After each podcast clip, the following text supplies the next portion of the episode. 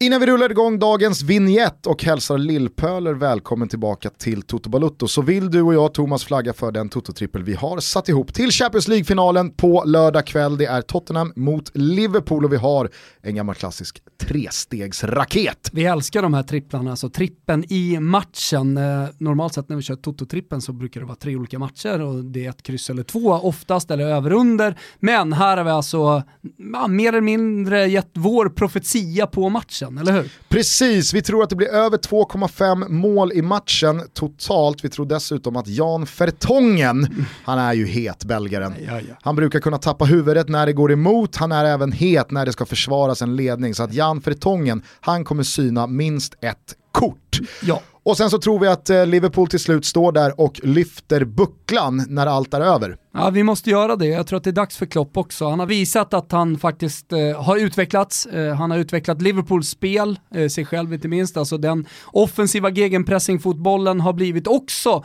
eh, ett, ett, det kan vara ett defensivt Liverpool i de lägen det behöver vara det. De har lärt sig att lida och jag tror såklart att det, oavsett om Harry Kane spelar eller inte, kommer eh, leda till att Liverpool vinner. Viktigt också att förtydliga är att alla de här eh, benen i vår trestegsraket gäller inklusive förlängning så att ingen tror någonting annat. Ni hittar den här trippen under godbitar och boostade odds borta hos våra vänner på Betsson. Ni ryggar med 148 kronor och skickar in den i hashtaggen Toto-trippen. Vi säger stort tack till Betsson för att ni är med och möjliggör Toto Balutto och nu rullar vi vignetten för att prata om den tyska säsongen.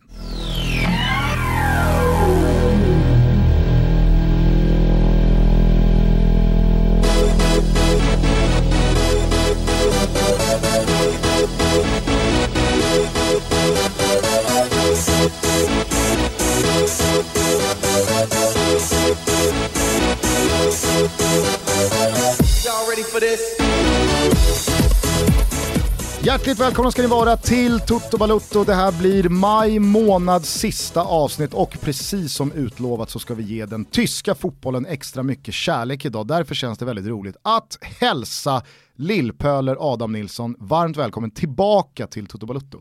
Tack, jag är väl en av de som har kommit tillbaka flest gånger tror jag nu. Ja, och det Thomas är väl någonting vi är väldigt glada och stolta över. Ja, det är det, framförallt så är det väl det mest rimliga som eh, skulle kunna hända i Toto Balotto, det är att Lillpöler kommer tillbaka. Sen är det ju så, det måste vi ändå säga, att den tyska fotbollen glöms ju bort ibland. Så också av oss. Eh, men alla som gillar tysk fotboll och gillar att grotta ner och som har hackat lite på oss under året. Vi tänker på er också, därför tar vi in eh, Adam. Sen är det ju faktiskt så, det kan vi väl vara ärliga med att säga, ibland så är det inte bara så att det glöms bort. Utan det är att man faktiskt skitliga. väljs bort. eh, just för att det finns så många andra ligor, så många andra matcher, så många andra händelser och rubriker som känns både sexigare och mer aktuella. Jag vet inte, vad känner du? Blev det ett lyft med Bundesliga hos Viasat och en hel del svenskar i ligan och så vidare? Nej, det kan vi inte påstå att det har blivit. Jag vet att när vi satt här i i augusti förra året och pratade om det så sa jag redan då att det känns otroligt ointressant. Eh, och jag tycker absolut inte det har blivit ett lyft. Eh, jag, hade, jag hade hoppats på att det hade kommit en uppstickare, typ Strive-typen, och kört Bundesliga och verkligen satsat på det och gjort någonting annat än vad de stora kanalhusen gör. För att det, det är bara inte kul, utan de satsar, jag hörde att det var en expertkommentator i en av matcherna, alltså det är så här, ja men det, det, det är en rättighet som ingen bryr sig om. Tyvärr är det ju så.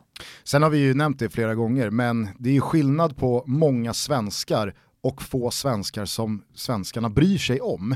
Alltså hade det här varit en säsong där Emil Forsberg hade fått vara skadefri och bombat in 10 plus 15 och Alexander Isak hade gjort det bra i Dortmund, då blir det ju någonting annat. Nu har Forsberg hackat med sina ljumskar, inte spelat speciellt mycket och Isak blev utlånad och så helt plötsligt så satt folk och kollade Willem Zweig.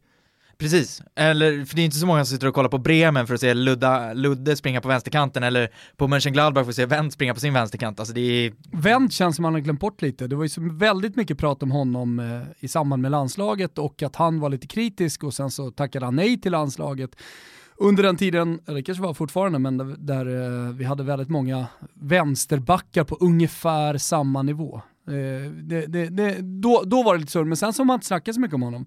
Vad, vad är status där?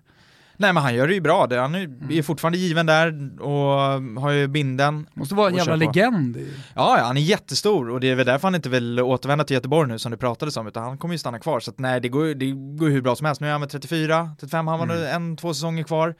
Och sådär, så att nej, det går bra. Men ett problem också är att om man pratar om de här då riktigt stora svenskarna, alltså nu i Forsberg sådär, men det är också, alltså man vill inte vara där, men det är ju det är ju hela, alltså det är inga de är lite som jag, man bjuder inte alltid till. Alltså det är så här, det är, det är, om du har en intervju med Ludde, det är så här, det är sällan man känner såhär, fan det här lyfte. Forsberg är ju som Forsberg är, han är lite knepig, men det, det hade varit skönt med någon som är lite liksom, det händer någonting annat. En John svensk som är där. Guidetti då kanske? Precis. Att han kommer att börja bomba in mål i, nej fan, inte i Bremen. Men han behöver inte ens göra det, så länge det liksom händer något annat. Union Berlin, de gick upp ner. Mm. Ja, du får Sebastian Andersson där och jag vet inte hur många liksom fler tittare Sebastian Andersson eller hur många fler läsare i Inga. intervjuer du får. Nej men precis. Alltså, Noterade du Sebastian Ja, Anderssons för eh, tyska brytning på sin engelska? nej jag missade det. Eh, Kim Wirsén kan väl eh, lägga in den här. We have only lost one game this uh, this year at uh, home, so uh, we are very strong. We know it. Uh, we have the supporters with us. It's very good uh, atmosphere in the stadium. So uh, just keep like this, and then uh, maybe we uh, stay in Bundesliga next year. Ändå härligt måste jag säga. Först var det väl Marcus Berg som började köra Ja, arabisk, arabisk engelska. Yes, it's uh, been great so far. Uh, we are champion. I managed to be top scorer thanks to my teammates. We made it, made a very good season. So I'm very happy right now, of course. But uh, also we have to look forward. We have more important games to come. But right now we enjoy, and uh, it's a fantastic night. Vi kan väl bara göra så här, istället för att prata i generella trötta ordalag om den här säsongen, köra lite mer detaljnedslag och börja då, då i det mest aktuella. Union Berlin vinner kvalet mot Stuttgart.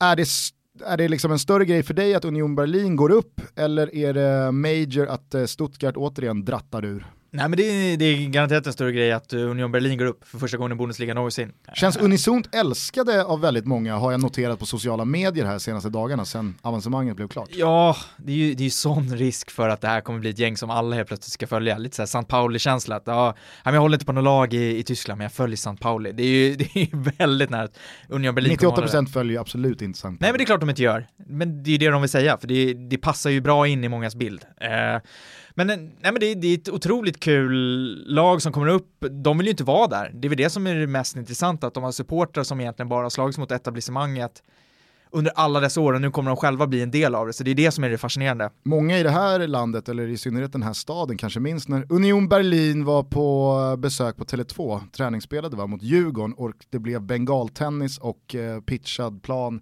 och ett ruggigt kaos. Då kändes det som att Union Berlin, vad är, vad är, det, här för, eh, vad är det här för pansarvagn som bara kör? Men, vad är det med etas- etablissemanget som de inte gillar? Nej men de har aldrig velat vara en del av den stora fotbollen, de har alltid hållit sig till sitt, de, de står för det här med ståplatsläktare, den gamla typen av fotbollskultur, man är inte så intresserad av de här ekonomiska intressena, de är rätt lika St. Pauli på det sättet, i att man vill vara för sig själva, man inte liksom Är de blir vänster? kommersiella. Ja, generellt sett så är de ju det. Och sen så är man från, man är från Östberlin, vilket i sig är mm, historiskt sett såklart intressant och det blir intressant också med det här Berlinderbyt som nu kommer i Bundesliga. Så att det är väldigt många av de delarna som jag också tror, jag tror det finns mycket supporter som är lite tudelade till att man faktiskt går upp och helt plötsligt kommer behöva slåss mot Är de de här större sponsrade av. Berghain? Nej, men de borde de vara det. Ah. De borde vara det. Men det säger att... En polare som var och knackade på på Dark Room där nere en gång, jag vet inte om han gick in. Alltså enligt en av mina kompisar så, så gick han in. Rolle. Vi försökte komma in på Berghain en gång, eh, supernekade för att vi hade skjortor. Ja, nej men det får du inte ha. Och sen så, det beror på vad man är ute efter. Det är klart, vill man bli pissad på för en natt så är Bergen det absolut bästa stället i Berlin att gå på. Eh, hur är Sebastian Anderssons status i Union Berlin? Ja, men han är given i startelvan, han har gjort det jättebra. Redan från när han kom så har han gjort mycket mål och sådär. Eh, så att eh, troligtvis så lär vi få se honom från start i Union Berlin. Det är ingen anfallare som de eh, ersätter och växlar upp för i sommar liksom. Det beror på hur mycket pengar de får in. Jag tror inte de kommer få in så stora summor på det sättet. Och jag vet inte hur mycket man kommer satsa, men nej. De vill ju inte satsa. Nej, inte på, inte, nej, troligtvis inte, inte på det sättet. Jag tror att han har rätt bra chans att få mycket speltid under nästa säsong. Helt klart. Eh, sorgebarnet Stuttgart då, det har ju varit, jag vet inte, rätta mig om jag har fel, sju, åtta, nio raka säsonger här. Kan vi ta en tyst minut för Filip Wåhlin? Lite kort bara. Ja, vi fick en fråga här på Twitter eh, från eh, vår gode vän Henrik Olsson som sa det, kan Volins tips av eh, Stuttgart ligamästare vara det sämsta guldtipset någonsin? av en så kallad expert. Ja, nej men det, det, får, det får tala för sig själv. Nej men jag vet inte, som sagt, rätta mig om jag har fel. Jag minns Stuttgart spela Champions League åttondel med Kakao och gänget mot Barcelona 2010 vill jag säga. Sen dess så känns det som att det har, precis som för Hamburg, varit en enda lång gyttja av dåligt spel och felaktiga beslut. Ja, det är ju lätt så när man blir, eh, man får hybris av eh, framgångar, det kommer in eh, mer pengar än vad man kan hantera, man börjar köpa in liksom spelare som egentligen inte hör hemma där. Man hade ju han vitryssen Schleb var ju där ett tag och lirade och skulle liksom leverera underverk. Det funkar ju inte. Ruskigt överskattad spelare. Lite som de flesta i Arsenal, höll jag på att säga. Men eh, Nej men det är så det har varit och nu när man kom upp eh, och så lyckades man klara sig kvar efter en otrolig vår förra säsongen, då var man ju liksom, vadå, trea, tredje bäst på, på säsongen på våren, slog Bayern München i sista matchen med 4-1 på bortaplan.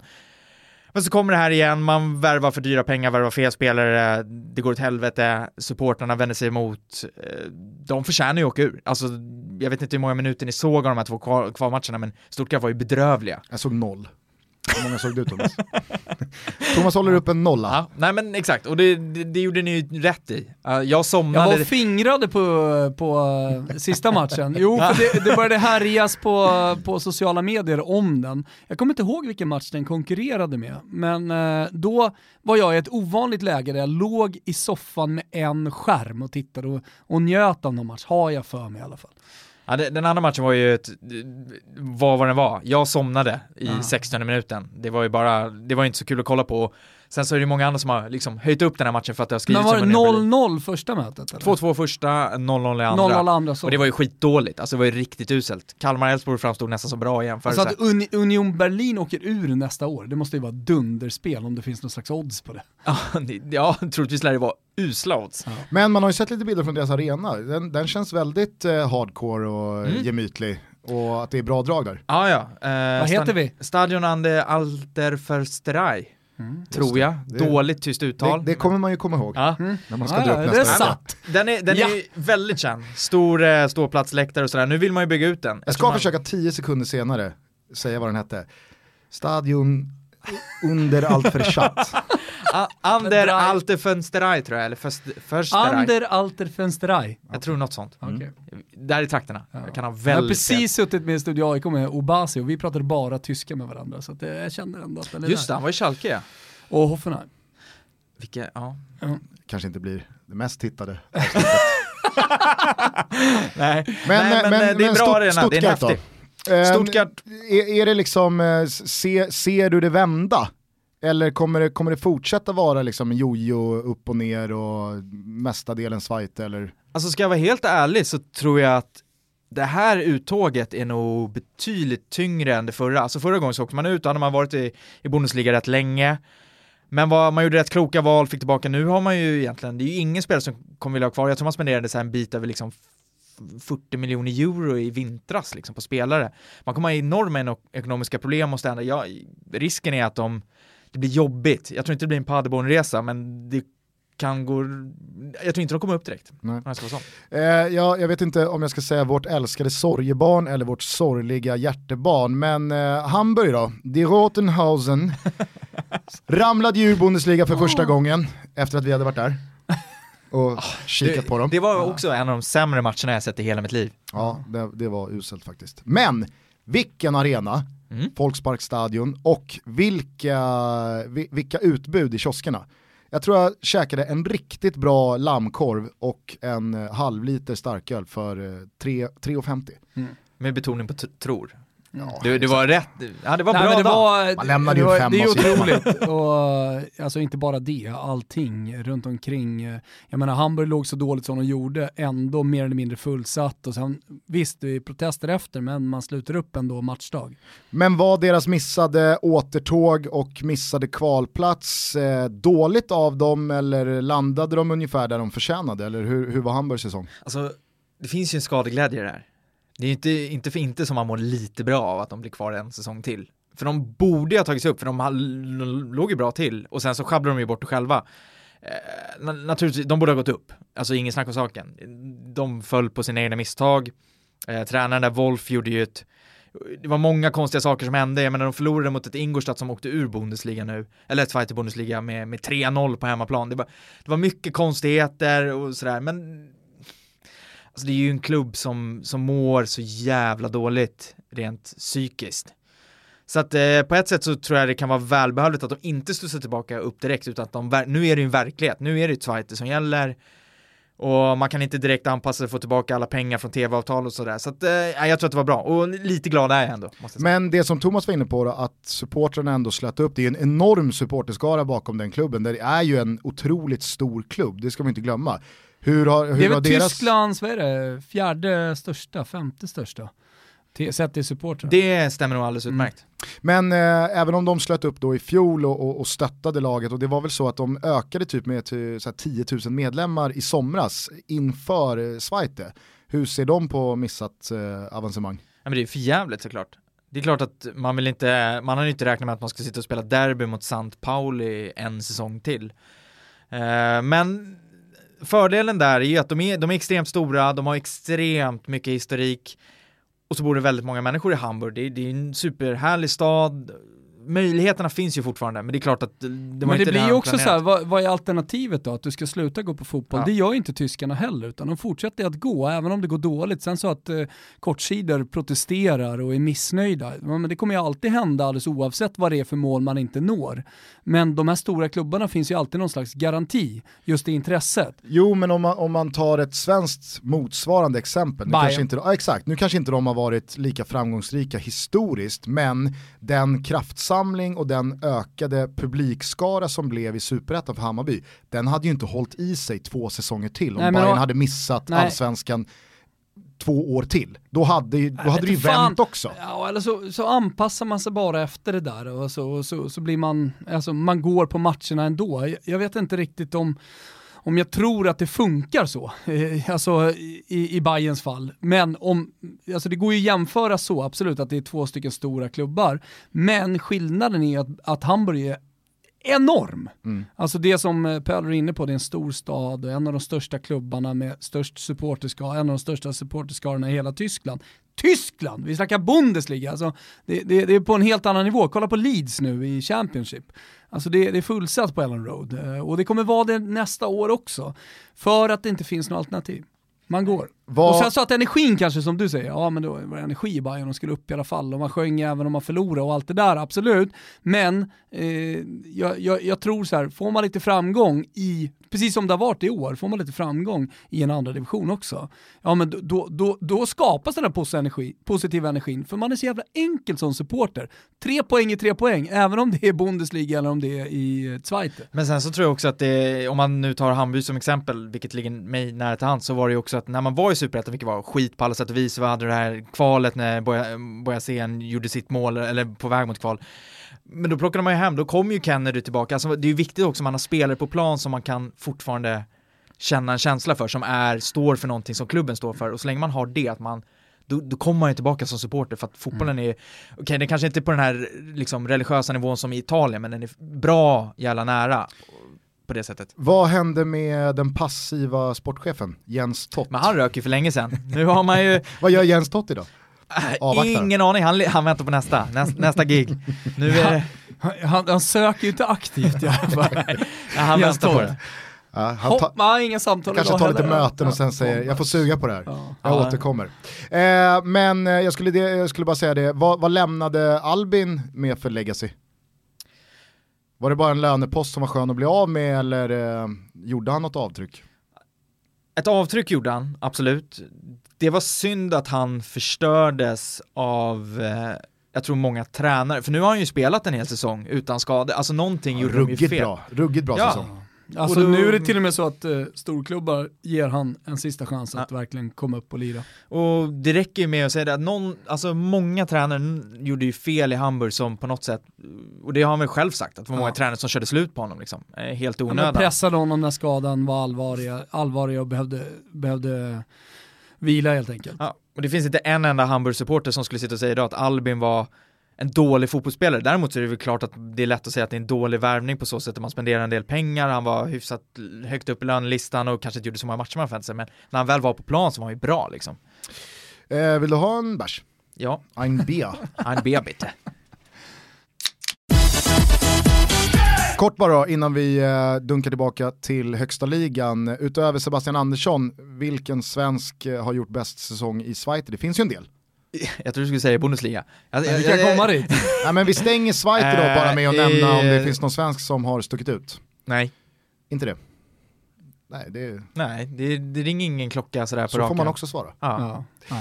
Okej, eh, tillbaka till eh, Bundesliga då. Vi satt ju här som sagt för ett knappt år sedan och pratade upp den tyska säsongen och var det någonting man lämnade det avsnittet med så var det ju kanske inte den dystopiska prognosen du målade upp för Bayern München, men vi alla tre var ju överens om att så här, deras inaktivitet på eh, transfermarknaden kommer kosta. Eh, deras ålderstigna lag kommer kosta, men vi slog ju även fast att de har ju fortfarande en trupp för att mer eller mindre pissa hem ligan, de kan säkert ta en kupptitel också, men det kommer märkas i Champions League mot de andra stora drakarna att här har man halkat efter. Och det blev ju lite precis så, även fast man avgjorde och vann eh, den där eh, ligaskölden först i sista matchen, så kändes det ju avgjort när de gick förbi Dortmund och slog dem där i Der Klassiker.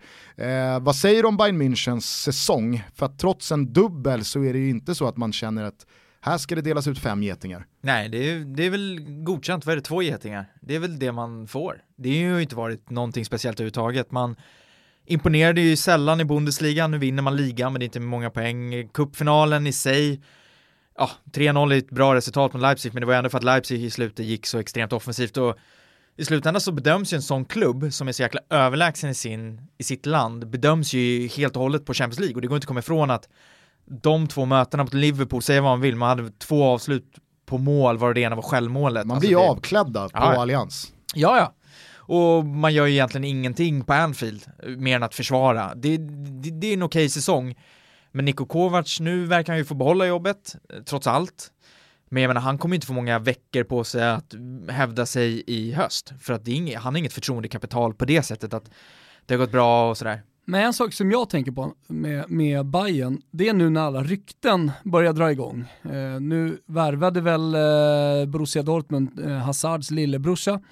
Eh, men när de stora spelarna börjar ryktas till Real Madrid, Juventus, PSG, de engelska toppklubbarna och så vidare, så nämns typ inte Bayern München. Alltså vad, vad, vad är det för eh, sommar vi kan förvänta oss av eh, eh, Preussen-laget? Vi kan väl bara börja med att säga att man har gjort klart med typ eh, 80, för 80 miljoner euro, Lucas Hernandez från Atletico Madrid. Vad har de mer klart in? Det är något till va?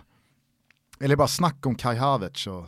Det är snack om Kai Havertz, eh, det är väl ingen som är officiellt klar, även om det har ryktats om att väldigt många är klara. Timo Werner är väl den som det har pratats eh, mycket om, som har ett år kvar på kontraktet och det är frågan om Känns inte Leipzig. som han lyfter Bayern München till Nej. eh, Champions League-serie. Alltså om vi ska prata om en spelare som eventuellt lyfter. Och det skulle ju i sådana fall vara en värvning som skulle cementera Leipzig som någon slags lillebror. ja, oh, att ja. ni har inte att göra på Bayern Münchens nivå. Nej men det, och det är ingen klubb i Tyskland som har det. Det, det är ju så givet. Nej men man har ju ändå fått känslan av att det är Leipzigs ambition att så här, vi ska fan tävla med Bayern och Dortmund. Ja, ja, absolut. Och det är det. Och jag kan tänka mig att de jagar febrilt efter tänkbara andra köpare som får ett bättre pris än vad Bayern får för att man inte ska torska honom till Bayern. Alltså det är ingen snack om det. Det har ju ryktats om Liverpool där också, för det är liksom gångbart med, med Klopp. Men, men för Bayern i övrigt så är det, det är den typen av, och sen Leroy Sané är väl den stora just nu. Man vet att man behöver få in en ny bra ytter, eh, och man har extremt mycket pengar på kassan. Säkert, nu har man lagt 80 miljoner euro, det sägs att de har i alla fall minst 200 miljoner euro, troligtvis 300 miljoner euro. Eh, Och då ska de göra sig av med Boateng i tanken, även om det inte kanske ger några Finns det andra spelare sådär som ryktas bort som kanske behöver en ny miljö? Jag tänker på James Rodriguez till exempel, eh, som tidigare också har ryktats bort från Bayern. Han Ja. är väl inte Bayerns spelare? Han är, han är på lån och man har kunnat köpa loss Ja. honom för eh, 42 miljoner euro. Det ryktades ju om att de skulle köpa loss honom för 42 miljoner och sen sälja honom till Atletico för 18 miljoner. Eh, Men det kommer de inte göra. Och nu när Niko Kovacs blir kvar som tränare så kommer Chamez absolut inte vilja vara kvar. Så han kommer ju garanterat återvända till Real för att säljas någonstans. Juventus har ryktats om och lite annat. Men så James lämnar, vi vet att Robben, Ribéry och Rafinha lämnar, Boateng lär lämna. Boateng lär lämna. Den fantastiska portugisen Renato Sanchez som verkligen satt avtryck i fotbollsvärlden de senaste tre åren lär ju lämna. Då är det ju en hel del spelare ut.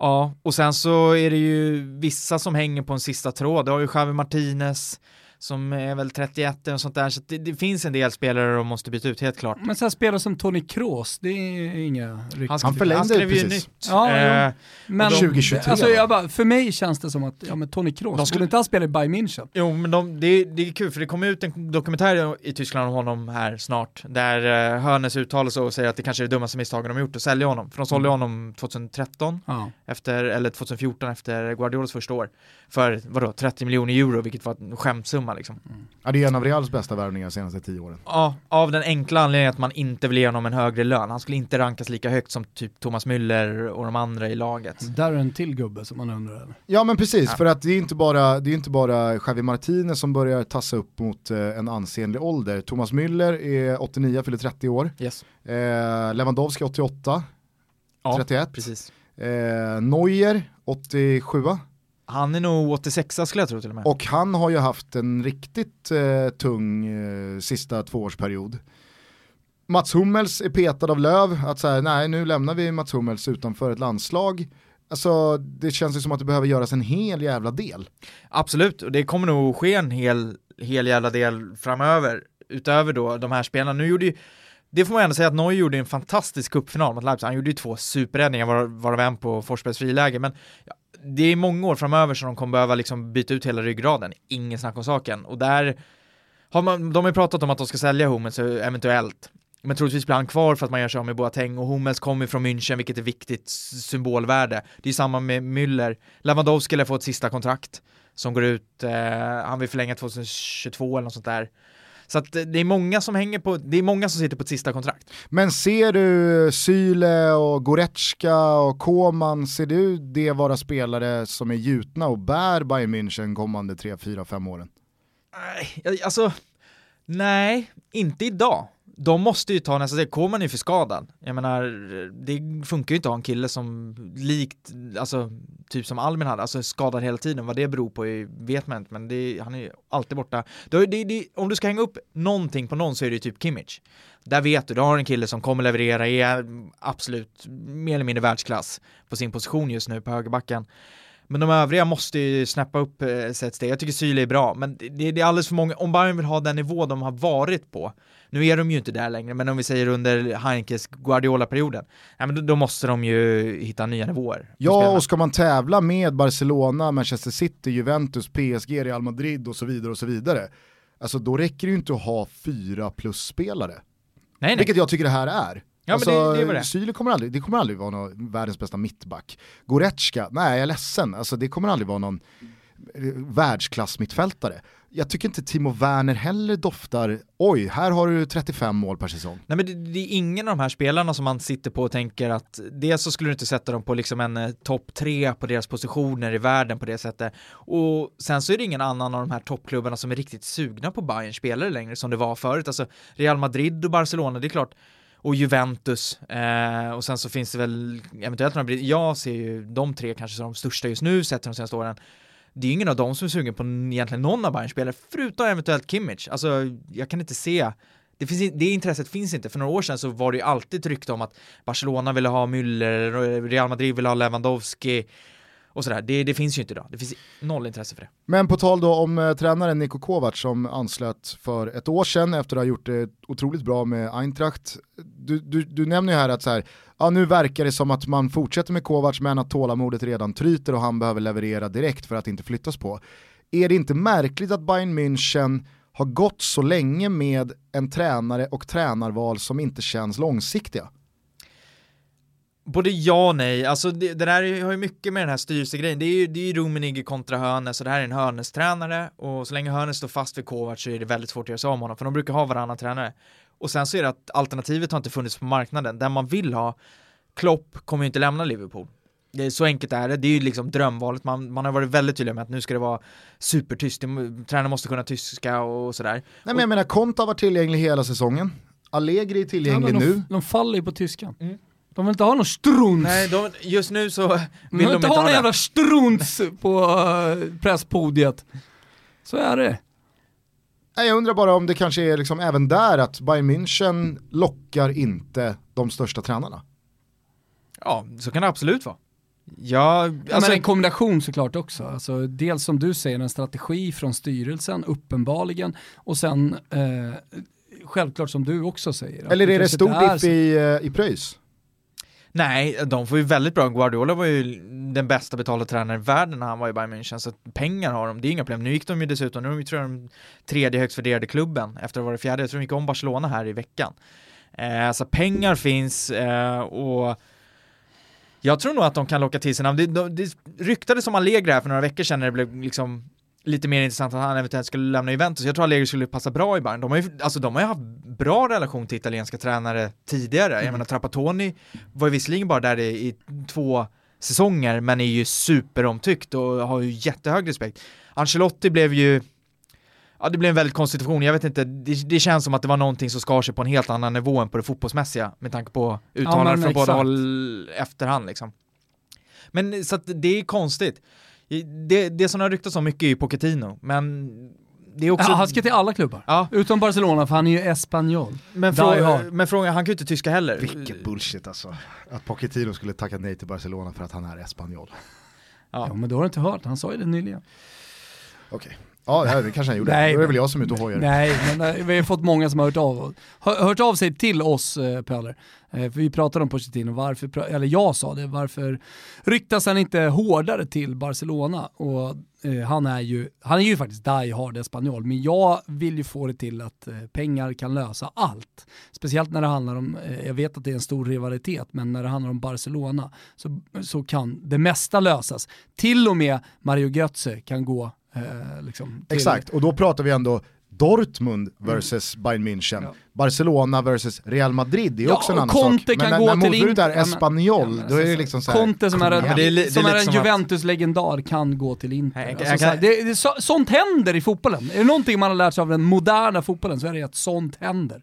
Kanske inte Union eh, Berlin, men annars. Så här då i månadsskiftet maj-juni, tror du det är rimligt att anta att Bayern München kommer behålla avståndet, eh, ta in en hel del spelare, kanske rent av byta tränare till sommaren och göra om den här säsongen men då flytta fram positionerna i Europa eller ser du klubbarna bakom närma sig Bayern för att det är så pass mycket som är osäkert, det är så pass mycket som ska sitta? Rimligen så borde det ju avståndet öka, sett till att de kommer investera rätt rejält. Eh, och att man blir av, alltså Ribéry och Robin och de här, det, är ju jätteduktiga fotbollsspelare men de har inte levererat den här säsongen, det, är inte, det har inte varit någon toppsäsong för dem. Och jag tror inte man köper in någonting som kommer vara sämre. Så de borde ju öka avståndet, men det, det är ju fortfarande en fråga om, följer spelarna Kovac? Så jag är inte övertygad om att de gör det. Det är det som har varit hela grejen, att han får inte med sig hela spelargruppen. Så risken finns ju att det blir en en säsong likt som för två år sedan när Hankes fick hoppa in och rädda våren när de blev skitbra igen liksom, under en period. Att Kovac får en tung höst och sen så löser de det då. De ska ju lösa det, det är inget snack om saken. Alltså när man har den enorma ekonomiska fördelen som Bayern München har, då, då ska man bara vinna Bundesliga. Så de, bo, de borde utöka, men Är du förvånad över att typ Torgan Hazard gick till Dortmund? nej. Och inte Bayern menar jag. Nej men Bayern, då, då, det, det där är också lite underligt för de har ändå lite strategi, för rimligen så är det där en Bayern-värvning. Alla de här tre värvningarna som Dortmund gjorde med Schultz, Brandt och Hazard, som är supervärvningar, de, jag menar, de kostade vadå, 75 miljoner euro och sånt där, marknadsvärde betydligt högre. Det, det borde ju, det är ju spelare som Bayern München vanligtvis har plockat in, men det är bara att nu har man bestämt sig för att man ska vara på en högre nivå, man ska lägga mer, mer pengar på spelarna. Man tänker på det sättet snarare, det ska synas att nu investerar vi Det liksom. låter ju klokt. det Att man låter alltså betalar mer för Lucas Hernandez än vad Dortmund gör för Hazard, Mm. Brandt och Schultz. Ja, nej men det, är- det är hopplöst. Och Hernandez är också, jag har inte, jag har inte förstått ärligt talat den värvningen. Jag, jag förstår inte, jag har inte sett Atletico kanske tillräckligt för att bedöma det, men det känns otroligt konstigt, måste jag säga. Eh, vi kan väl bara avsluta Bayern München-segmentet då med just eh, Arjen Robben och eh, Frank Ribéry. Rafinha skiter man i. Ja, Jag gillar inte Rafinha Han blev- han- överhuvudtaget. nej, det- det är en liten gris. Ja, men det var ju när jag, första avsnittet... Nej, Ja, men det är, en liten, det är, alltså, det är Jordi Alba light. för, första avsnittet vi gjorde så fick jag ju frågan vilken som är min hatspelare, då sa jag Rafinha. Ja, Det, är, det är en typisk... bra. Vad har han gjort som är så jävla illa? Ja men det räcker med att se honom på en fotbollsplan så blir man irriterad. Jag vet inte om du hörde avsnittet efter att Bayern München säkrade titeln, men då frågade jag eh, i svepet lite retoriskt om Arjen Robben och Frank Ribéry kanske är Bayern Münchens bästa utlänningar någonsin och då att vi skulle fråga Pöler om just detta när du gästade oss. Så då ställer jag frågan, är Arjen Robben och Frank Ribéry de bästa utlänningarna som spelat i Bayern München? De ligger ju extremt högt upp. Jag tror, jag tror att det finns ett namn i närtid, eller hyfsat modern tid, som jag tror man skulle kunna ranka högre och det är väl Giovanni Elber. Som jag tror många skulle hålla som eh, lite, men det är också för att han har en viss kultstatus och har ju blivit en stor ikon i, i Bayern. Men de är svårslagna, de är extremt svårslagna, för kollar man på den, det, de har, alltså det de har varit med om, så har ju de faktiskt varit med om från vadå, 2007 tror jag Ribéry kom. Eh, och då var ju Bayern liksom inte så intressanta. De värvades ju in där när man värvade in Luka Tone, man gjorde ju en stor satsning, Tumoshuk och sådär med mycket utländska namn. Och vissa föll bättre ut än andra. Många såg ju Bayern som en språngbräda då till något större, men alla, många blev kvar. Så att de har ju faktiskt varit med under den mest framgångsrika Bayern-perioden genom alla tider. Ja men Frank Ribéry satte väl något slags rekord här med ligatiteln. Det var väl, eh, alltså han vann sin nionde Bundesliga-titel. Ja. Mer än någon annan har tagit. Ja, det stämmer. Eh, och jag tror att kupptiteln var hans 27 tunga titel i Bayern München. Mm. Alltså det är ju ett, det är, det är ett snuskigt facit. Ja, ja, det är, det är helt sjukt. Och jämför man, men jämför man med som, liksom, nu, Thomas är lite äldre än oss, han får väl ursäkta, men när jag och Gusten var kanske vadå 10-15 så var ju Bayern München inte ett lag att räkna med. Visst, de vann Champions League 2001 och förlorade 99 mot United, men det, det har inte varit ett lag som man har kollat på, men under de åren robberi, robberi ja. Nu vet jag inte riktigt vart du är på väg. Bayern München har för fan alltid varit major. Äh, ja. Men inte på, de har inte satt alltså, agendan tycker jag på det sättet nej, som de gjorde under en viss alltid, period. absolut inte. Alltså, jag, jag, tycker ändå att de senaste åren som Pöler är inne på, det, det, har, det, har, varit ännu mer. Alltså det är klart att Bayern München har varit att räkna med, men inte, på, inte riktigt på det sättet som du säger.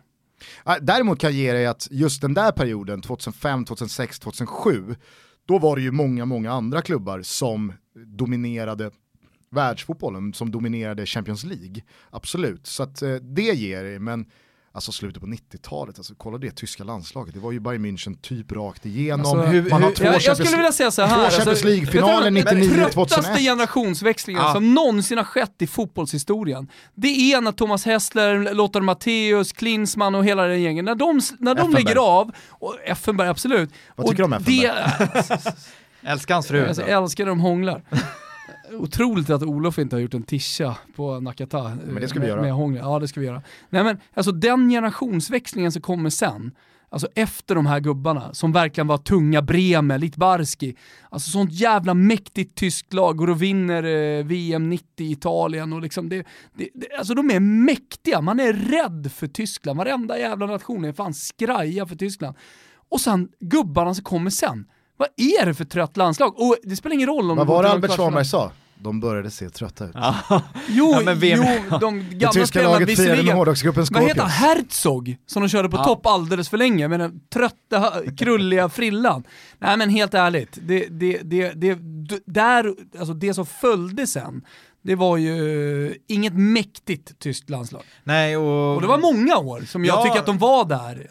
Man, jag räknade aldrig Nej men de vaknade inte, alltså jag menar VM 2002 var ju en jävla överraskning att de lyckades ta sig till final efter ett värdelöst VM 98 och ett EM 2000. Jo men då hatade man ju att Tyskland Exakt. gick till final också. Och det var ju inte... För det var så tråkigt Det var skittråkigt. Och det, hade det, de här såg på topp 02 var det ju faktiskt, alltså man hade eh, Oliver Kahn som gjorde en övernaturlig turnering Klose vinner skytteligan och Mikael Ballack var i sin prime. Ja. Men alltså hur länge spelade, förlåt alltså, men hur länge lirade Herzog alltså, given i det tyska landslaget? Alldeles för länge! Och han, det beskriver ju hur dåligt, hur dåligt det där tyska det, landslaget nu, egentligen var. Vad gjorde Herzog på klubbnivå egentligen? Är, är det nu man vill breaka att han var österrikare? ja, men jag, jag, ja, men, Andreas Herzog. Ja, men vad he Nej, men jag, jag, jag, tar fel namn bara, vad heter han, eh, eh. krullhåriga anfallaren som man avskydde? Jag vet, jag är här så jag säger fel här, men vad heter han? Föller? Nej, han, senare! Oj, de hade så mycket, jag, jag tänker, de hade så här konstiga namn, de hade ju Neville som sprang på topp ett tag. Ja, Uffe Kirsten. Uffe Kirsten var det. Nej, men sluta nu. oh. Men Ander Herzog har aldrig fått så mycket utrymme i en podd. Nej, men det är bara för jag blandar ihop dem, han heter ju typ Her Herzog. Ah, ja. Skitsamma, vi går vidare. Skitsamma, någon, någon förstår säkert vem du menar. Eh, men okej, okay, Arjen Robben, Frank Ribéry lämnar. Har du hört någonting vart de är på väg? Eh, vad händer med dem? Frank Ribéry har ju auran av eh, Saudiarabien. Men jag vet inte om han är på väg dit, men han skulle passa väldigt bra där. eh, tror jag. Mm. Eh, Robben hade ju erbjudanden från eh, massa italienska klubbar ryktades det om. Vad hör du där Thomas? Eh, inte jättemycket. Allvarligt alltså. Nej, det, det var det som skrevs i tyska, att det pratades om vissa där, men annars har det varit också att eh, det alltså har jag funnits... skulle kunna se honom i Spal. När du har... eller kanske såhär asskönt till Atalanta. Ja, ja, precis. Det hade fan varit något. Champions League-satsning. Ja, Robin, Vilken värvning. Robin har ju inte auran av att så här, jag drar ner lite. Jag, jag, liksom, jag går ner och spelar på, på lite lättare nivå. Nej, Robben han, spelar för att tävla med de bästa. Exakt, så att, jag tror inte han kommer återvända till Holland som det ryktas om, utan jag tror att det, han tar det bästa erbjudandet han får för att stanna i Europa. Ja, spännande. Vi är sponsrade av våra vänner på Strive och jag börjar känna att det kanske är våra bästa vänner. Ja men det har du helt rätt i Gusten. Eh, Och det är härligt att de hela tiden förvärvar rättigheter också. Vi har pratat om det, men eh, ni som inte känner till det, ICC, International Champions Cup, blir hetare och hetare för varje sommar. Verkligen, dessutom så rullar ju MLS på och säga vad man vill, det kanske är lite ja, men, eh, jobbiga tider att ställa klockan på och så vidare. Fotbollen kanske inte sprakar på samma sätt som Champions League eller andra toppeuropeiska scener, men jag tycker verkligen, kom ihåg, Zlatan lägger snart av. Och då kommer det vara över. Vi kommer minnas honom för resten av våra liv. Vi kommer prata om den karriären som den absolut största någonsin.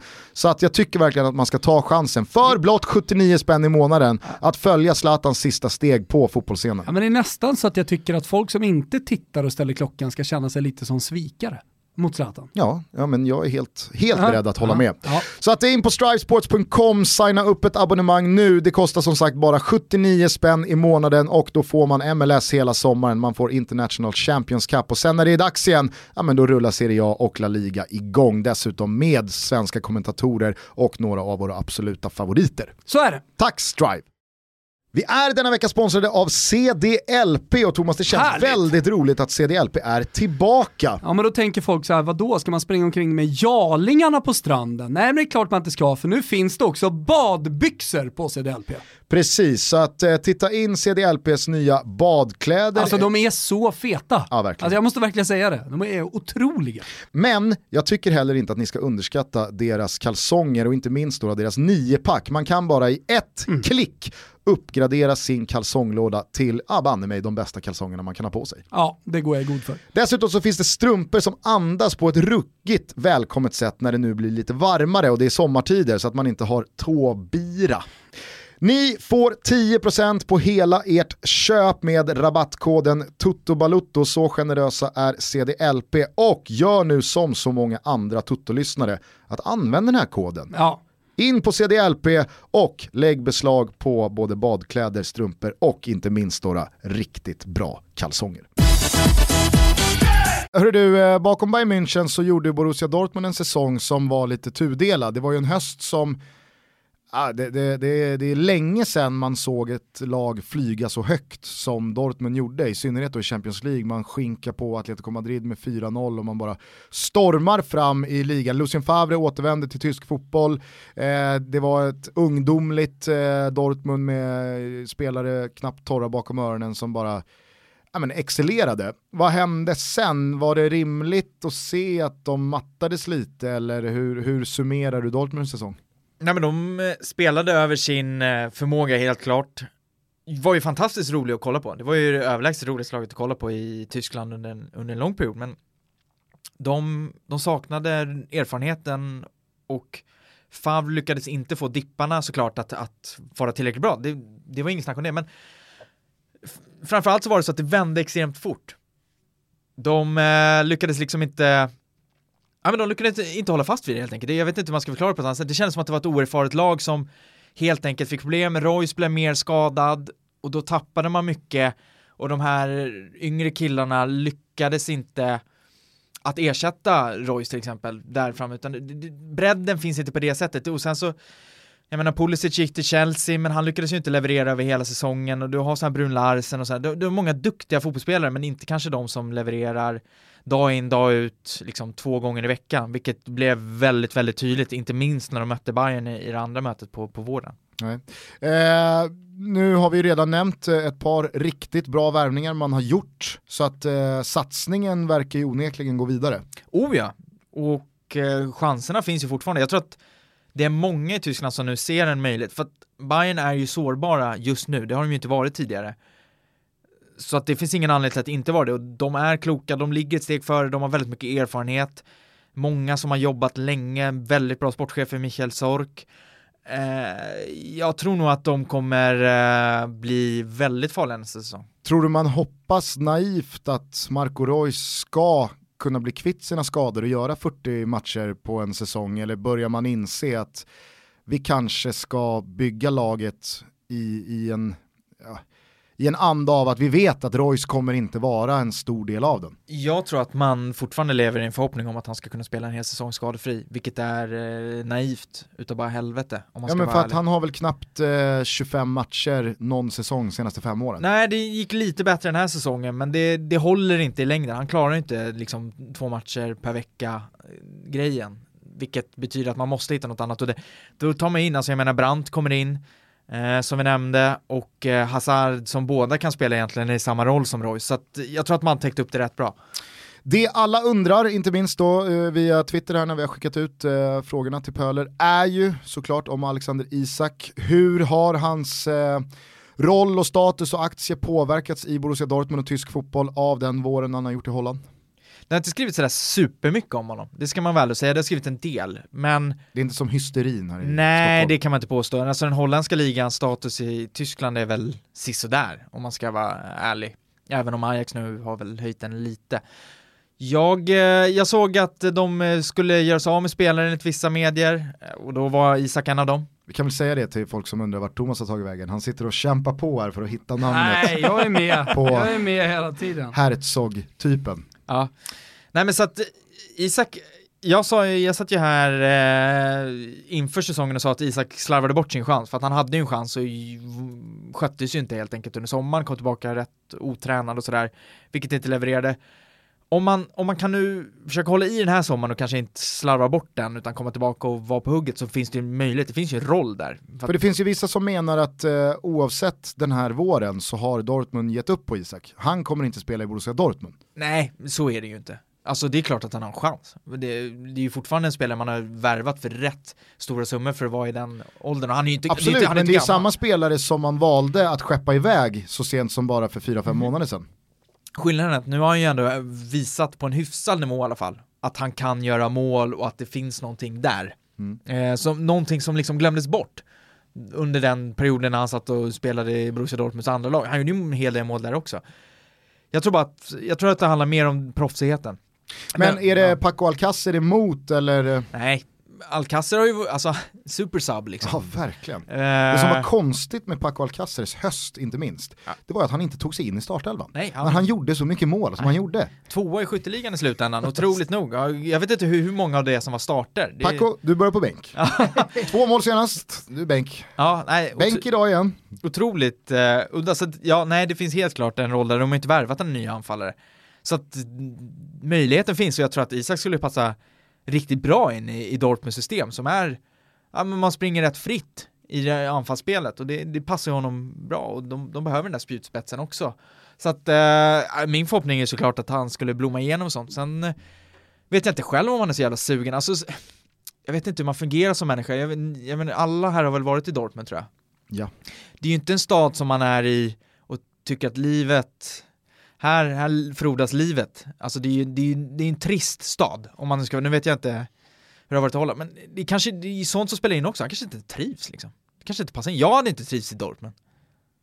Nej, men det där hänger väl väldigt mycket ihop med hur det går på plan. Mhm. Och Dortmund är ingen dålig scen att verka på. Nej, inte, absolut inte idag. Jag tror att är man startspelare i Borussia Dortmund och spelar Champions League och gör ett par kassar i Bundesliga, då tror jag att man kan härda ut även i Ruhrområdet. Absolut, ja, bevisligen. Det finns ju många som, som lyckas ta sig dit, men, och det finns för finare och vackrare delar såklart. Men en bänkplats för Isak är ju inte omöjligt om han verkligen ser fan på att han ska ha den. Och nu har jag inte sett de här holländska matcherna, men han gör ju mål liksom, och det är ju det han ska göra. Så det är väl klart att han måste ge det en chans. Om inte annat, om han inte får den chansen så ska han ju inte sitta och bli utlånad av Dortmund. Det kan jag inte, det kan jag inte förstå syftet med. Det måste ju finnas klubbar som är intresserade av honom. Han- Hur gammal är han? Var han 20?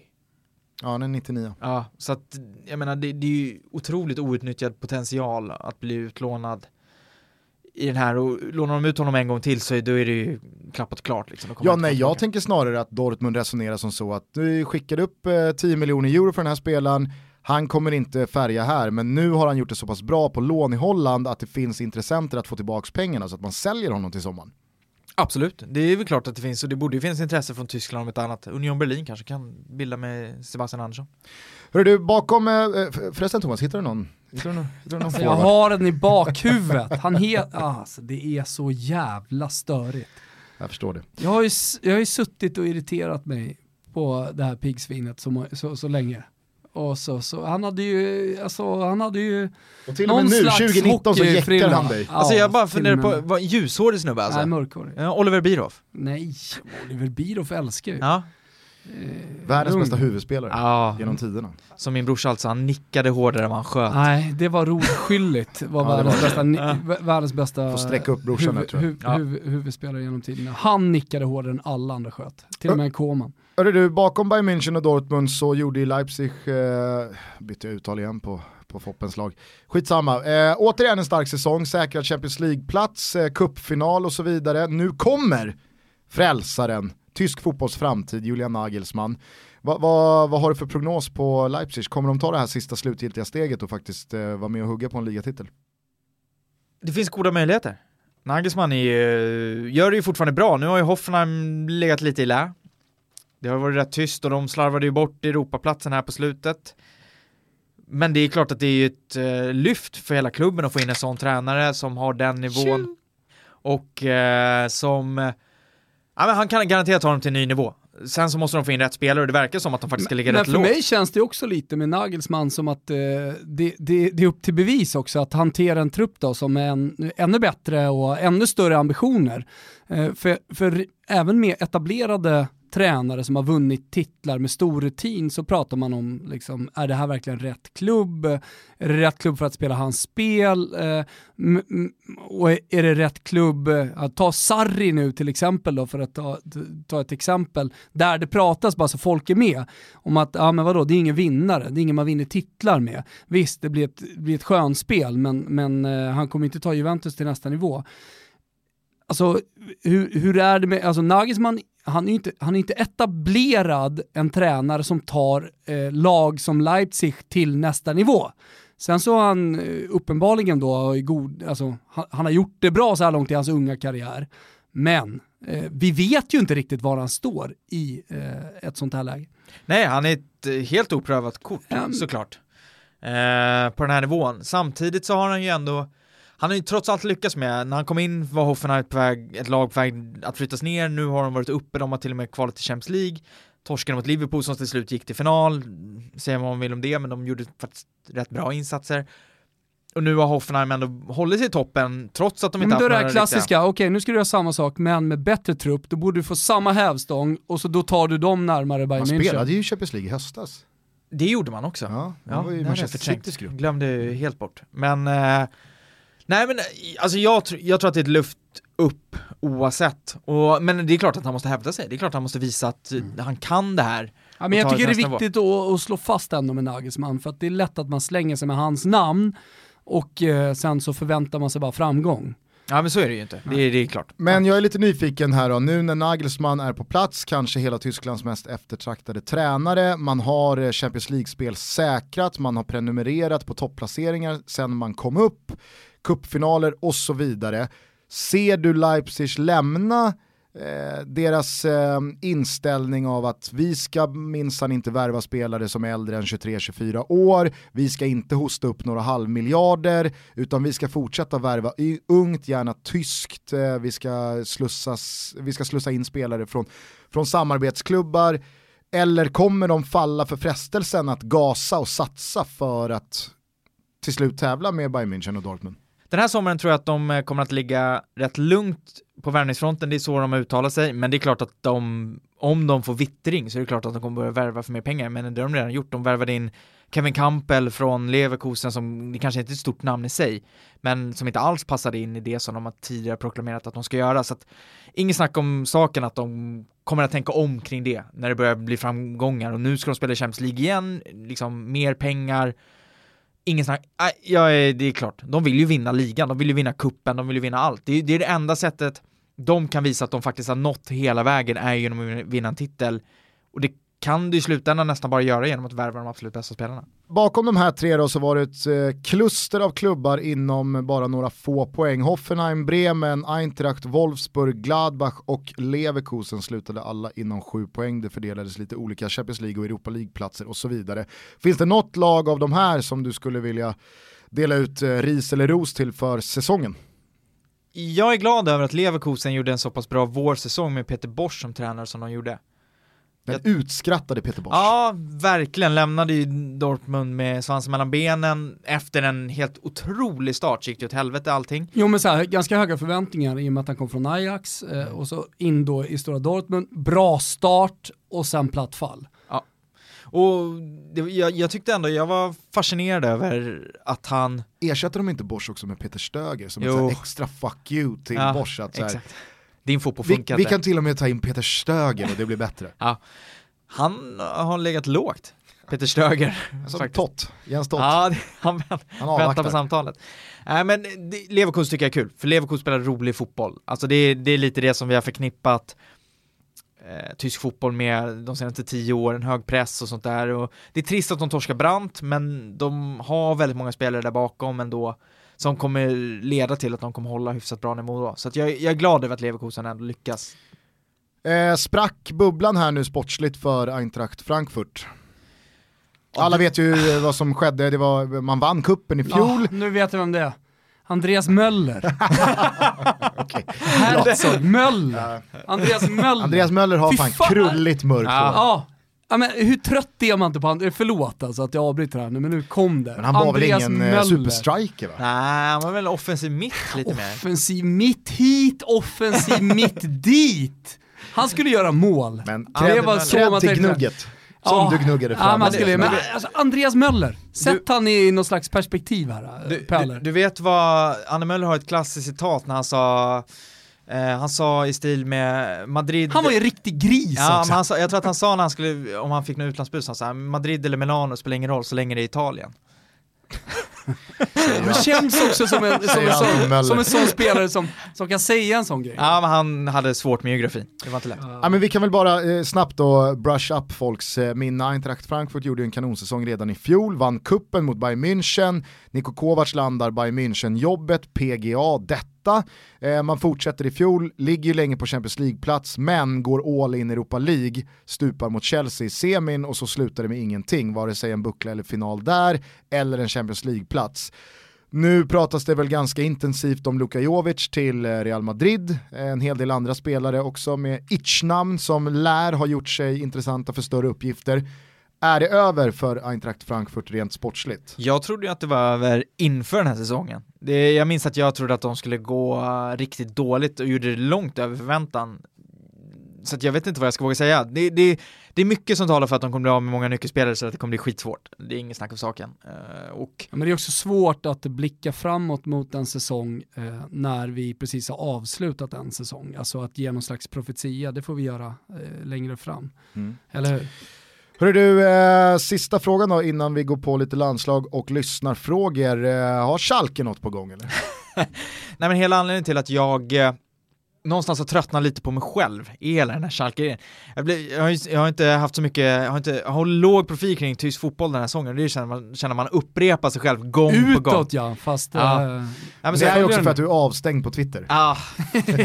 svi- jag svider hårt faktiskt fortfarande, men jag, jag nådde över tusen, tusen följare idag, så att nu jävlar, nu är jag på gång igen. Välkommen tillbaks. Tack.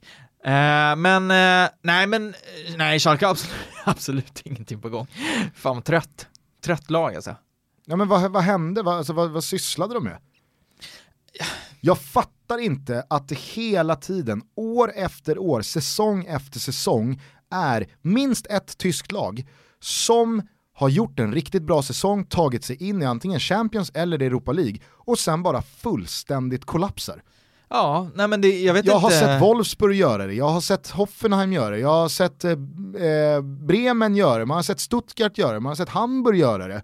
Nu gör Schalke samma sak, jag vet inte i vilken gång i ordningen, alltså så här, Va, va, vad sysslar de med? Nej, jag, jag, jag, jag vet inte. De, de, de, de har ju Hannover och eh, Nürnberg att tacka. Ja, och Stuttgart. att, ja, absolut, och Stuttgart. Men jag menar, om inte de räddningsplanken hade funnits, som det inte har gjort ett par av de senaste säsongerna, utan det har varit ett getingbo där nere, då ryker de ju. De förtjänar att ryka. Ja men de spelade ju, alltså de hade mer eller mindre samma lag förutom Goretzka inför den här säsongen och hade värvat en hel del. Och det gick så vansinnigt dåligt och det var, det var så fantasilöst och energilöst så att man visste inte vad man skulle göra. Det var, Schalke kan ha varit säsongens absolut tråkigaste lag att se över en alltså det, Att vara supporter till Schalke i år måste ha varit en tung uppgift. Ja, det får man anta. Ändå var det väl supersmockat på Fältins arena hela Det- säsongen. Den, den arena i Tyskland som de säljer flest öl på, flest antal liter öl per match på. Jag vill faktiskt rikta ett stort tack Gusten. Jaså? Ja, till Pepsi. Jaså? Mm -mm. Jag vill rikta ett stort tack till Pepsi. Dels för att de har så roliga tävlingar. Vi har precis tävlat ut eh, en Champions League-resa eh, för en väldigt glad eh, lyssnare. Och nu kör vi Toto Pepsi 11. Det är alltså hashtag Toto Pepsi och sen 11. Där man då tar ut sitt lag från Champions League den här säsongen. Eh, och så har man chansen att vinna vad då? Biljetter till Friends Arena i början av augusti när Atletico Madrid möter Juventus i Mm. International Champions Cup. Och så får man samtidigt då träffa dig och mig Gustav. Man tycker det är roligt för vi hakar på på den här matchen. Eh, och tacket, det slutar liksom inte här. I helgen när det är Coppa Toto, då kommer Pepsi vara på plats och dela ut vad då? Pepsi! Ja, ja, ja, ja, ja. Så om man vill ha en liten Pepsi Max kanske, eller en liten vanlig Pepsi, vad man nu vill ha så kommer de finnas där så otroligt generöst. Skitkul är det! Ni vet ju att man är eh, så kreativ man bara kan i hashtag TuttoPepsi11, 11 med 1-1 där man tar ut säsongens lag. Jag tänkte till exempel att om nu Harry Kane jobbar sig tillbaka från den här skadan och kanske skjuter titeln till Tottenham, då ska väl Harry Kane of Pepsi med i säsongens lag. Ja, fattar du den? Ja, ja. Can of Pepsi, Kane of Pepsi. Ja, Jag kan det, jag han ska kan med. det. Stort tack till Pepsi för att ni är med och möjliggör Toto Balutto. Vi är också sponsrade denna vecka av Erik Olsson och jag känner Thomas. Jag känner en sån värme och tacksamhet gentemot Erik Olsson. Ja men det gör jag verkligen. Alltså, de har gjort så mycket för oss under den här månaden och eh, då pratar jag inte bara om oss utan jag talar för alla lyssnare också. Här finns precis alla möjligheter, eller hur? Yes, man eh, får absolut bäst betalt när man använder sig av Erik Olsson vid en bostadsförsäljning. Ja, verkligen. De erbjuder till exempel då visningsgarantier, de har lokala experter i sina mäklare som har koll på precis allting. Så att det här är ett förberett gäng. Men det vi vill slå ett extra slag för denna vecka är ju om man värderar sin bostad med Erik Olsson så får man just nu en hotellövernattning med tillhörande frukost. Men det är faktiskt helt otroligt. Och det är många där ute som funderar på om de ska sälja sin bostad eller om man ska bo kvar. Ja men då börjar man ju med värderingen, eller hur Gustav? Dessutom så vet ni att man får ett årskort på Nordic Wellness värt 6 lax ifall man säljer sin bostad via Erik Olsson och dessutom kan man på erikolsson.se tuttobalutto signa upp sitt intresse för att få chansen att ha dig och mig som visningsvärdar. Ja, det, du pratade om trestegsraketer och grejer förut. Jag vet inte hur många steg det här är, men det är oerhört givmilt i alla fall. Erik Olsson, er mäklare hörni. Stort tack Erik Olsson. Du, eh, vi tar lite lyssnarfrågor då. Fredrik, ladd med Haddad, heter han på Twitter. Det gillar man ju. Eh, han skriver, årets flopp, spelare, klubb och tränare. Årets flopp klubbmässigt måste ju ändå bli Stuttgart. Eh, som gjorde det så pass bra förra säsongen i slutändan och helt plötsligt bara ja men tappar allt. Och ser man till eh, tränare så är ju Tedesco i, i Schalke ett bra val med tanke på att han blev så otroligt omhuldad av oss alla, inklusive mig själv. När de slutade tvåa förra säsongen. Och eh, nu är det ju ingen, han är ju lika tyst som Ströger och Tott. Vi sitter och väntar på samtalet liksom. Spelarmässigt, eh, ja men ska man peka ut något så kan jag peka ut mig själv och min egna spaning på Renato Sanchez som inte alls lyfte överhuvudtaget har ju varit, han gjorde ett mål i sista matchen eh, mot Frankfurt, men i övrigt så är det, eller var det mot Frankfurt? Han gjorde ett mål i någon match någon gång Ja, i sista matchen var mot Eintracht där. Ja visst, han gör 3-1 målet. Ja, och, eh, och det var ju, en, är ju fortfarande en flopp. Alltså, man ska ändå tänka på att de la typ totalpaketet på Renato Sanchez som det hade varit miljoner sponsor- euro Ja, det var 40 miljoner i grund och sen så låg det ju ytterligare typ 30-35 i bonusar och ingen har ju fallit in. Nej, det, det är väl någon slags tur i oturen för eh, Bayern München. Eh, Fabian Andersson undrar hur du ser på Hertha Berlin här nu post Dardai. Är det en eh, ljus framtid eller kan det gå lite emot här i eh, huvudstadens eh, stora lag? De tar ju in mannen som har samma namn som Hammarbys gamla målvakt, Ante Kovic, som tränare. Men den andra Ante Kovic. Eh, Ja, det hade varit sjukt om de tog gamla bayern keepern Alltså han har samma namn och det är för att det är samma gubbe! ja, det, hade, det hade varit fascinerande eh, i sig. Nej men det, det blir... Pöler Här, my- här, här myggar Pöler av sig. Nej men det, det, det är svårt att säga. Dardai har ju varit så otroligt förknippad med Hertha och han har inte gjort det dåligt. Jag tycker inte han har gjort det dåligt den här säsongen heller. Det har inte varit jättelätt att arbeta i en klubb som inte heller har satsat särskilt mycket. Och ja men just allt han står för har ju varit så väl förknippat med det, hela den här glöden för klubben och det som syns på plan och det han har kunnat leverera till spelarna, att kunna visa för supporterna det försvinner ju. Så att jag tror att Hertha kan få det rätt tungt om de inte får in en, en person som kan fylla det tomrummet bara av han som person. Och så har man eh, då stadsrivalen från öst. Ja, Exakt, det- hypen kring Union lär väl inte gynna Nej, Hertha? absolut inte. Det kommer bli eh, något eh, utöver det vanliga och det är ju ett sånt där typiskt, liksom, det, det blir extremt intressant att se. Jag kan tänka mig att Union kommer vinna båda derbyna bara på grund av att Men- de är uppe och har den På tal om saker man är trötta på från den tyska fotbollen och Andy Möller, så är det någonting man är trött på så är det ju eh, Hertha Berlins jävla blåa löparbanor. Folk brukar liksom racka ner på arenor med löparbanor. Men de blåa jävla löparbanor, jag kommer ihåg när jag, när jag, när jag höll på med friidrott, då var jag ju redan trött på Turebergs IP för att de hade blåa löparbanor. Jag hatade att åka dit och springa. Alltså varför, varför i hela helvetet är de blåa löparbanor? Varför, varför gör man en så? Men det är ju klubbfärgerna såklart. Blått Jo, och vitt. Jo, men ändå. Ändå. Ja, nej det har ju inte, det kanske inte gynnar, det gynnar inte publiktrycket även om, om Olympiastadion i sig. skiter, alltså så här, helt ärligt, och det måste fan sägas någon gång, så, så blir inte sämre publiktryck för att det finns löparbanor. Det är Stadio Olimpico ett väldigt bra exempel på. Det är sant. Eh, det, det är andra saker som, som eh, liksom, eh, påverkar tryck. Kolla till exempel på Friends Arena, ja men där är det supertight eh, mellan läktarsektionerna men, men trycket är av olika anledningar in, inte speciellt bra. Men eh, nej, det är någonting med de där blåa löparbanorna som jag i alla fall har problem med. Ja, det, det som Olympiastadion också överlever extremt mycket på, det är så här, varje gång man ser en sändning i, i svensk tv från Olympiastadion så då måste det nämnas att ja, men det här OS eh, 1936 gick ju här och Jesse Owens sprang ju på de här banorna. Det är så här, Var de blåa? när jag nej, dem sprang? exakt, i Jag tror inte det. Jag tror fan inte Jesse Owens har sprungit på blåa löparbanor i Berlin jag, 36. jag kan, jag kan banne mig inte tänka mig det. Det var Nej. ju ko, ko, eh, kolstubsbanor på den tiden. Släpp det! Hitler satt på läktaren. Ja, mm, Mm. bra, vi Hallå. vet. Eh, men från Hertha Berlin då till en annan klubb som vi ändå måste nämna. Bremen, hur går det med dem?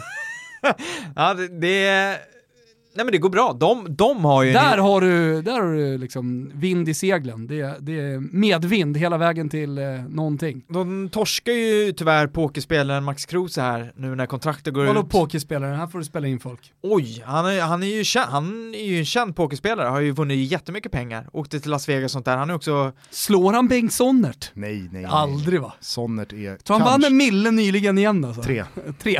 tre millar. Max Kruse har Så också mycket pengar alltså. Ja, han har sån show på Twitter, Bengt Sonnert alltså. en extrem inte Sonnert.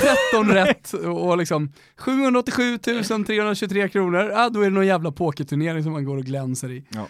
Ja, nej men eh, Bremen går bra och de har ju också en väldigt intressant tränare där i Florian Kofeld som har gjort det jättebra. Så att, eh, och nu ska ju Ludde bli kvar säger han, en säsong till, vilket jag inte hade trott, för jag trodde att det var dags för honom att ta nästa steg. Men visst var det en liten down-säsong ändå för eh, Augustinsson? Inte down Ah. kanske, men det blev inte ytterligare en växel. Nej, det Han kanske var inte har blivit fantastisk i fjol. Han var ju, men det var nog för att också förväntningarna var lägre.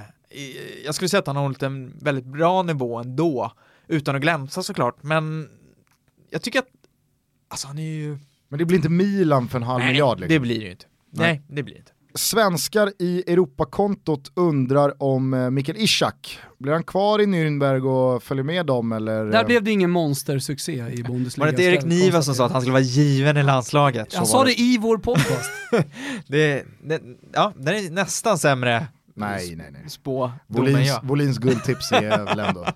Ja, nej men Isak, uh, Isak, eh, Isak eh, kommer nog bli, eh, han blir nog eh, kvar. Jag tror det finns ju ingen annan Bundesliga-klubb som vill ha honom. Filip, han ställer en... är det Volin? Nej det är det faktiskt inte. Nej, Stuttgart kommer inte gå upp direkt. Eh, Filip ställer faktiskt en väldigt intressant eh, fråga här. Hur går diskussionen i Tyskland om Ter Stegen kontra Neuer i landslaget? När sker tronskiftet?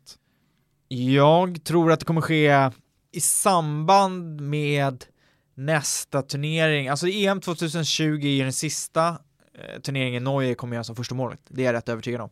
Det har varit väldigt mycket prat med tanke på att Neuer har varit skadad och Ter har gjort det så pass bra.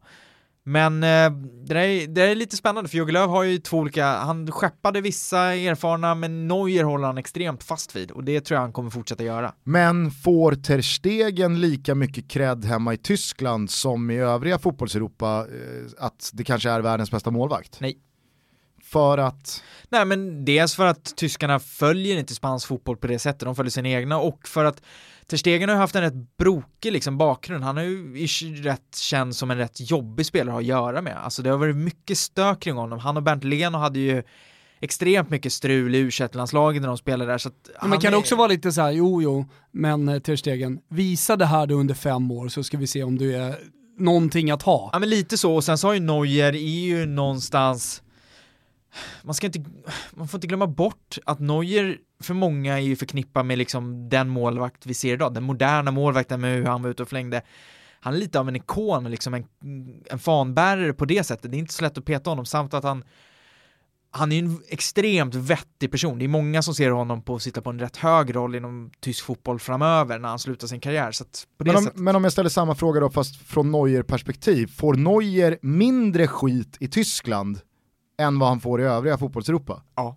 Där är han fortfarande liksom en helig ko som Nej, är världens bästa alltså, målvakt han är, eller? Han är inte en helig ko på det sättet, men det är helt klart så att det, när, när Neuer har varit skadad så har det diskuterats, men så fort han är tillbaka så är, det, då är han given. Kort och gott. Så att ja, det, han är svår, han är untouchable på det sättet. På tal om eh, landslaget då, Jogge Löw, det var säkert ingen som missade, vi pratade ju om det här i Toto, eh, han eh, valde att stänga dörren för eh, Thomas Müller, eh, Jerome Boateng och Mats Hummels lagom till EM-kvalets start. Hur landade det och hur högt spelar Jogge Löw nu? Ja, det landade ju egentligen åt helvete för honom, för att Bayern München gick ut med ett rätt kraftigt eh, Thomas Müller tog det ju inte sådär Nej, det var, superväl. nog, det var ingen som tog det särskilt, ingen som tog det särskilt bra. Eh, och klubben gick ut och var superkritiska till tajmingen, för det var ju två veckor eller någon vecka innan Liverpool-matchen, där returen tror jag.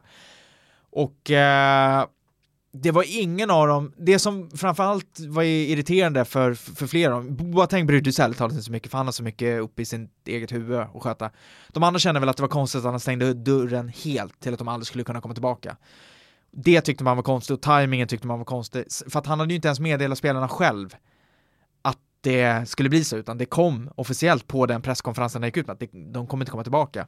Det, det var de absolut inte medvetna om. Och det var väl det, så att där spelade Löv ett högt spel, men fick ju tillbaka det i och med segern mot eh, Holland. Eh, var ju extremt viktig för honom, för att visa på att han kan göra någonting nytt med ett nytt landslag, där de inte är med. Och ärligt talat, alltså Boateng är det ju ingen som saknar, och jag tror inte så många saknar Müller heller sett till hans säsong. Den enda som egentligen har kanske presterat är ju, i min värld i alla fall, Hummel som jag tycker har gjort en faktiskt rätt bra säsong. Eh, så att, eh, nej. Det, det är väl bra att man gör det, men det, han, kunde, han kunde gjort det på ett smidigare sätt. Ja, eh, på tal bara om landslaget, man gjorde ju ett fiasko-VM som regerande mästare, man eh, åkte på rejäl pisk i eh, Nations League under hösten. Vad, vad har eh, Löv för insats här nu i, vad jag antar är sista vändan? Ja, alltså, han har ju ett, han, Riskerar han att eh, sabba liksom alla de år av jättebra resultat han gjorde? Nej men det är klart att det är mycket som står på spel. Han har ju tappat, eh, han tappade extremt mycket anseende till följd av VM och det resultatet som, som blev där som var bedrövligt och det var ju insatser som var dåliga. De borde åkt ut redan mot Sverige såklart. Så att, eh, de här åren, det spelar ingen roll. Det spelar ingen roll, för det är ändå ingen som kommer ihåg det om det visar sig att de gör två plattfall, för det ska inte ske i Tyskland. Så det är väldigt mycket stå på spel, och framförallt så måste han kunna visa att han kan bygga någonting helt nytt, helt själv, igen, med ett nytt lag. Och det, ja, det är mycket spel. Mm. Vad tror du då? Ser du honom eh, lyfta Die Mannschaft eh, till eh, titlar och medaljer igen? Det fanns ingen bättre kandidat, så mycket kan jag säga som kunde ta efter, för att hade det funnits det så tror jag inte han hade blivit kvar. Och det man har sett under Nations League har ändå varit hyfsat lovande. Frågan är om de kan hålla den höga kvaliteten rätt igenom. Jag menar, det är, inte alls som går att slå Holland just nu. Eh, som de gjorde där i, i Amsterdam. Så att, eh, ja, möjligheterna finns, men jag tycker inte, alltså jag, ja, jag kanske ska ställa frågan tillbaka till dig. Tycker ni att det tyska landslaget känns så pass bra just nu, för jag är inte övertygad om att de är så pass bra. Samtidigt de... kan jag tycka så när man kollar på alla de stora nationerna och deras landslag så finns det väl inget som sådär sticker ut jättemycket. Eh, jag tycker att det nästan alltid inför varje mästerskap finns ett lag som man verkligen sådär omfamnar. Eh, men, men just nu så finns det ingen som sticker ut från den eh, lilla mängden då av monsternationer. Alltså ta Brasilien, ta Spanien, ta, ja, det skulle vara Frankrike då eventuellt då, som jag tycker eh, känns eh, som, som ett riktigt så här, stjärnlandslag som skulle kunna vinna ytterligare en dubbel då. Ja, kanske hade de mått bra av en krullhårig Anne Möller på plan. Det, det, hade kunnat... Det, det, tror jag inte. Nej men jag känner lite som vi pratade om i Bayern München där kring det tyska landslaget att det är inte, det är inte massa fem plus-spelare som är på väg fram och på väg upp eh, i eh, åldersspannet 19, 20, 21, 22, 23 utan det är fyra plus-spelare om man får vara så generaliserande. Det, det, det känns som att... Vilket gör EM 2020 till ett väldigt roligt EM. Där finns det inte heller någon hemmanation, nu ska det spridas ut över hela Europa, hur tacklar de olika landslagen det? Förberedelse där kommer ju säkerligen en, nämnas som en eh, nyckelfaktor när eh, EM till slut har vunnits av, av, några. Men jag ser i alla fall stora möjligheter också för landslaget precis bakom att faktiskt kunna hota de här stora nationerna. Det är ju fascinerande med tanke på att det är inte många år sedan man satt och pratade om att Tyskland vann VM och sen så vann de liksom EM för, för U21 och det var U20 och det var OS. Ja, men Confederations liksom, Cup, gick ju bra, liksom. Confederations Cup när de åkte med B-landslaget ja. och bara slaktade sönder. Nu är det Confederations Nej, det... en, en uh, träningsturnering visserligen men ändå. Men då, då satt man och tänkte så här, shit, det här, de, tyskarna kommer vara oslagbara i all, all oändlighet, för varenda landslag gick ju bra. Man gick väl in i eh, Rysslands VM som eh, Dela, delad oddsfavorit ja. tillsammans med brassarna. Ja, och jag kommer ihåg att man satt, det var många som satt och ritade upp, det var typ Frankrike och Tyskland, man satt och räknade att fan, tyskarna har ju tre bra gubbar på varje position, skulle de ha sitt C-landslag så skulle det fortfarande vara ett riktigt bra landslag. Mm. Så att, det hjälper ju tyvärr inte, det nej, är det den yttersta spetsen som gör den stora skillnaden. Alltså det, det, finns många spelare i det tyska landslaget som ligger på den här gränsen mellan, är de på riktigt eller är, de på, är det bluff liksom? Det är många som kan visa sig vara bluffspelare. Jag tänkte bara där på en framtidsprognos. Hur troligt bedömer du eh, att eh, Bayern München resonerar som så att Niko Kovac får en säsong till, Jogi Löw får sitt sista mästerskap med landslaget och sen blir det Löv i Bayern? Nej, det tror jag faktiskt inte på. Alltså efter Löv är mer intressant, ah, gör han det bra, då är det väl klart att han ska vara intressant. Ja, men jag tror inte man är så intresserad av honom, jag tror inte Löv är så intresserad av det heller. Och efter den där senaste, man tog ju Klinsmann 2006 och det gick inte särskilt bra, man fick en Buddha-staty stort ståendes på träningsanläggningen liksom för att sprida lugn, vilket det är ingenting som imponerar på det tyska fotbollsförbundet. Nej, man har... Buddha-statyer, kom inte med dem här. Nej, det, det, det, funkar inte så. Alltså, tyvärr. Dessutom med Andy Möller i släptåget som han var ass. Stinker ju savann om Jogge Löw. Ja det gör det, efter detta ja. Vi tar en sista fråga då, det är många som har ställt sina frågor men det kretsar kring saker vi redan har berört på ett eller annat sätt så att jag hoppas inte folk känner sig förnärmade av det. Men Konrad Grönlund, han undrar hur du eh, värderar nykomlingarna som alltså är Union Berlin, Paderborn och Köln. Ja, nej, men det, det är ju en, det är en jättebra fråga. Det är ju tre väldigt olika klubbar. Alltså Köln kommer tillbaka, studsar upp igen. Bra som byter tränare dock, trots att de går upp. De som har lyssnat på våra kompisar Svanemar och Kviborg i Spelpodden senaste säsongen vet ju att Simon Terodde är en anfallare som har bombat in mål och eh, ja, visat sig vara någonting exceptionellt i Zweite. Är det en anfallare som har i Bundesligas skytteligatopp att göra? Nej, det, är det han inte har. Han har ju försökt i Bundesliga förut, han, han gick ju till Stuttgart, de lämnade, han, han kan bara göra mål i Zweite Bundesliga. Jag tror han har vunnit skytteligan där tre gånger. finns ju flera sådana anfallare som bara kan göra mål i andra divisioner. Ja. Championship, eh, Serie B. Ja, det, det är hopplöst. Det går inte att förlita sig på en sån spelare. Det är många som har trott och hoppats på det, men det, det, det sker bara inte. Så att nej, han kommer inte bomba in särskilt många mål i, eh, i Bundesliga och det, det är väl förståeligt för att i, i Schweiz så spelar Köln ett helt annat spel vad de kommer i Bundesliga. Däremot så tror jag att det är de som har bäst chans att klara sig kvar med tanke på historiken. Fan om man ska jobba honom nu som målskytt nästa säsong alltså. Det är, det är flashscore på deras matcher. Men eh, Paderborn och Union Berlin då, är det lag som har eh, goda möjligheter att etablera sig i eh, Bundesliga eller ser du något Bundesliga-lag av idag som givna nedflyttningskandidater nästa säsong? Ja men det finns klubbar som eh, finns alltså i Bundesliga som, som skulle kunna vara nedflyttningskandidater, man tänker typ Augsburg som det, det, Fina Augsburg. Ah, det, det börjar bli Den enda jobbigt. Bayern-klubben som eh, är eh, intressant att titta på. Jag är lite orolig för Hoffenheim så här post Nagelsmann. Där kan det bli baksmälla utan dess like. Düsseldorf en andra säsong, inte trygga alls. Fortuna. Men alltså Paderborn och Union Berlin är ju inte klubbar som ska vara etablerade i Bundesliga och det är, de har så mycket, alltså Paderborn är ju, ren- det är ju flax nästan att de lyckas ta sig upp.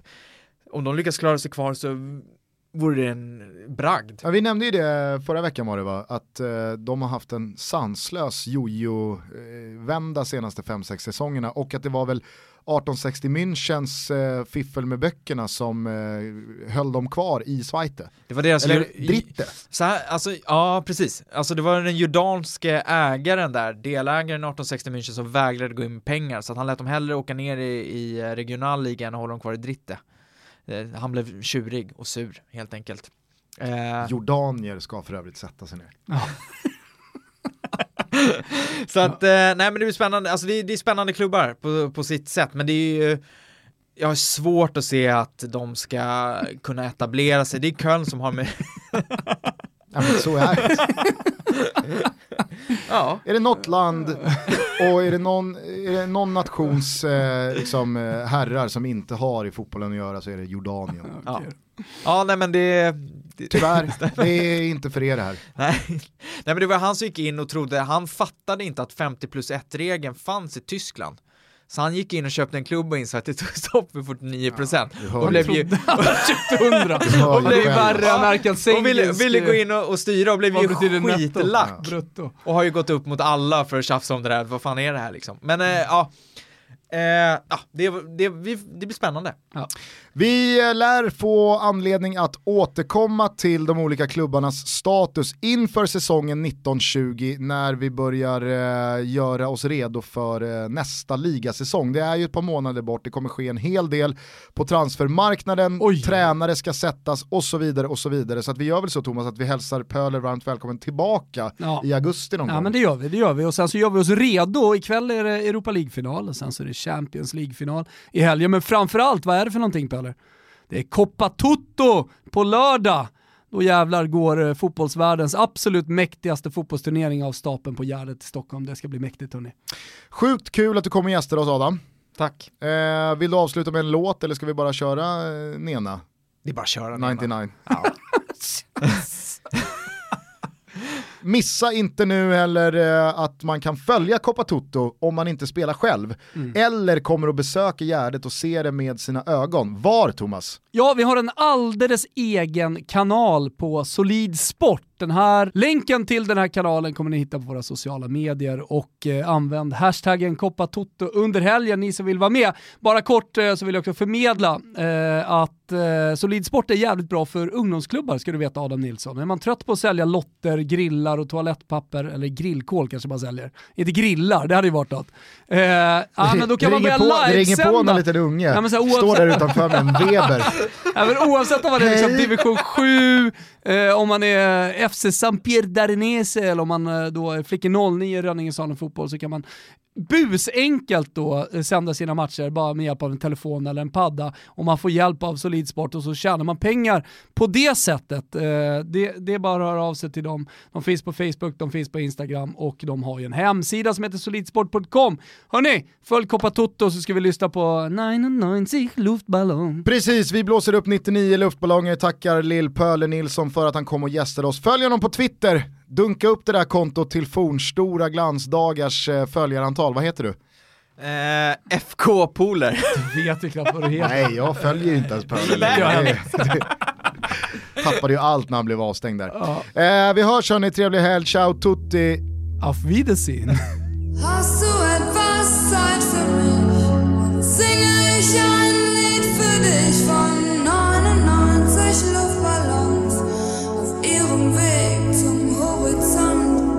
denkst du vielleicht gerade an mich? Sing